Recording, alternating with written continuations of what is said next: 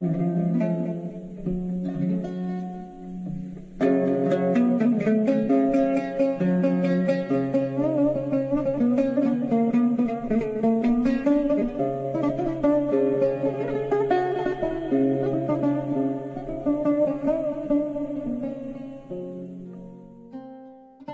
المسيح وأهلا وسهلا فيكم في بودكاست إظهار الجمال.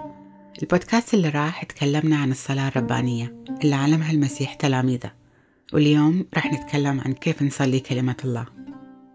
طبعا إحنا من خلال قراءتنا في الكتاب المقدس نشوف مثلا في المزامير بعضها كتبها الملك داود وبعضها كتبها الملك سليمان وبعضها كتبوها ناس ثانيين.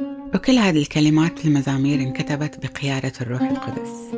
والكتاب المقدس بشكل عام هو كلمة الله وكلمة الله حية وفعالة. والمسيح هو نفسه كلمة الله. فكلمة الله قوية وكلمة الله ثابتة للأبد. كلمة الله فيها قوة لما نعلنها ونصليها. واليوم راح أعلمكم كيف تصلوا كلمة الله. مثلا في مزمور 27 في آية تقول الرب نوري وخلاصي ممن أخاف. الرب حصن حياتي ممن أرتعب فنقدر نصلي هذه الكلمات ونقول يا رب شكرا لأنك نوري وخلاصي. شكرا يا رب أني ما أخاف من أحد لأنك أنت دايما معي وأنت حصن حياتي وحمايتي يا رب. وفي مثال ثاني من مزمور 103 ومزمور 103 يقول باركي يا نفس الرب وليحمد كل ما في داخلي اسمه القدوس. باركي يا نفس الرب ولا تنسي جميع خيراته. إنه يغفر جميع آثامك ويبرئ كل أمراضك ويفدي من الموت حياتك. ويتوجك بالرحمة والرأفة ويشبع بالخير عمرك فيتجدد كالنسر شبابك. فمن خلال قراءة هذه الكلمات نقدر نصلي هذه الصلاة. يا رب إحنا نبارك اسمك القدوس. نحمدك يا رب لأن اسمك قدوس. نشكرك لأنك دائما تتمم علينا بالخير يا رب. يا رب أنت فديتنا وغفرت ذنوبنا وآثامنا. نشكرك يا رب أنك قادر تشفي أي مرض لأنك أنت الشافي يا رب. شكرا أنك فديت حياتنا من الموت. وتوجنا بالرحمة والرأفة.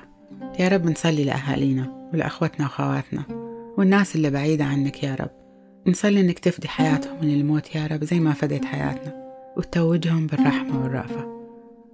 وفي مزمور 91 الآية تقول المحتمي بقدس أقداس العلي في ظل القدير يبيت.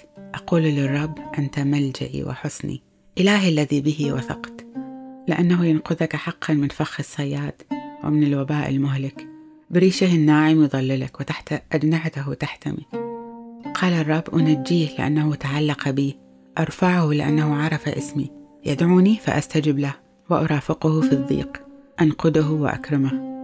وأطيل عمره وأريه خلاصي فمن خلال قراءتنا لمزمور 91 نقدر نصلي هذه الكلمات.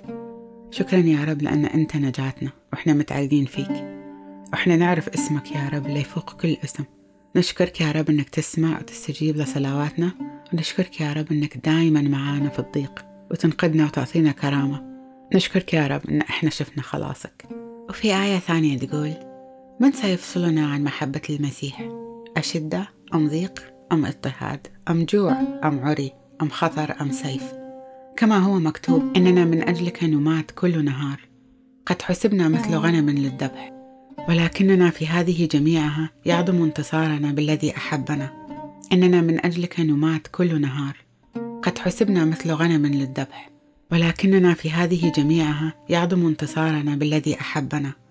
فإني متيقن إنه لا موت ولا حياة ولا ملائكة ولا رؤساء ولا قوات ولا أمور حاضرة ولا مستقبلة ولا علو ولا عمق ولا خليقة أخرى تقدر أن تفصلنا عن محبة الله التي في المسيح يسوع ربنا.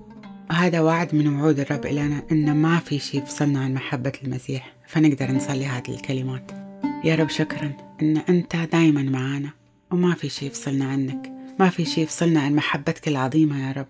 محبتك تفوق كل شيء تفوق كل وصف. أنت يا رب تحبنا محبة عظيمة يا رب وإحنا دايما يعظم انتصارنا فيك يا رب لأنك أحببتنا. نحن نحبك يا رب لأن أنت حبيتنا. وإحنا متيقنين يا رب إن ما في شيء يفصلنا عن محبتك. لا موت ولا حياة ولا ملائكة ولا رؤساء ولا قوات ولا أمور حاضرة ولا مستقبلة ولا علو ولا عمق ولا خليقة ثانية. تقدر تفصلنا عن محبتك يا رب كل اللي شفناها يا رب واختبرناها فيك. يا حبيبنا وفادينا ومخلصنا وصديقنا وأخونا الحنون يسوع. فأتوقع أن الفكرة وصلت. طيب فعندي بعد فكرة ثانية كيف أن إحنا نصلي وعود الرب في كلمة الله؟ الكتاب المقدس مليان وعود إلينا كبنات وأولاد للرب فنقدر نصلي بعد وعود الرب. مثلا في إنجيل يوحنا 15 في آية تقول أنا الكرمة الحقيقية وأبي هو الكرام. كل غصن في لا ينتج ثمرا يقطعه وكل غصن ينتج ثمرا ينقيه لينتج مزينا من الثمر. أنتم الآن أنقياء بسبب الكلمة التي خطبتكم بها. فاثبتوا في وأنا فيكم. كما أن الغصن لا يقدر أن ينتج ثمرا إلا إذا ثبت في الكرمة فكذلك أنتم إلا إذا ثبتتم في. أنا الكرمة وأنتم الأغصان ومن يثبت في وأنا فيه فذلك ينتج ثمرا كثيرا فإنكم بمعزل عني لا تقدرون أن تفعلوا شيئا. فمن خلال قراءة هذه الوعود اللي جتنا من الرب يسوع نقدر نصلي هذه الكلمات.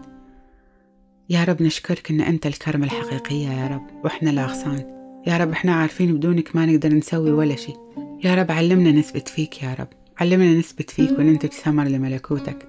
وننمو فيك يا رب. ونكون بنات مباركين في ملكوتك. فإحنا نقرأ كلمة الرب. خلينا نتعود إن إحنا ناخد فترة نتأمل في الكلمات ونصليها ونشكر الرب ونرددها وتكون ثابتة فينا.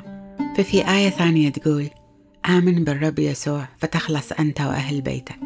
فنقدر كمان ناخذ هذا الوعد ونصليه. نعلنه كصلاة ونقول يا رب أصلي لأهل بيتي. أصلي إنك تخلصهم من خطاياهم يا رب وتفتح عيونهم الروحية إنهم يعرفوك ويشوفوك. يا رب باركهم. خلصهم من العذاب. وراويهم خلاصك يا رب. وهذه الآية الأخيرة اللي بذكرها إليكم اليوم وبصلي إليكم كلماتها. وسلام الله الذي يفوق كل وصف يحفظ قلوبكم وأفكاركم في المسيح يسوع. الرب يبارككم يا خواتي وأصلي لنا سلام من الرب يسوع اللي يفوق كل عقل. يحفظ كل أفكاركم في المسيح يسوع.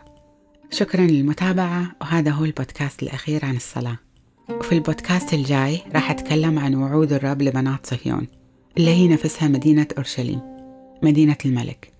لا تنسوا تتابعونا على الإنستغرام في صفحة إظهار الجمال. الرب معكم ووفقكم لكل خير.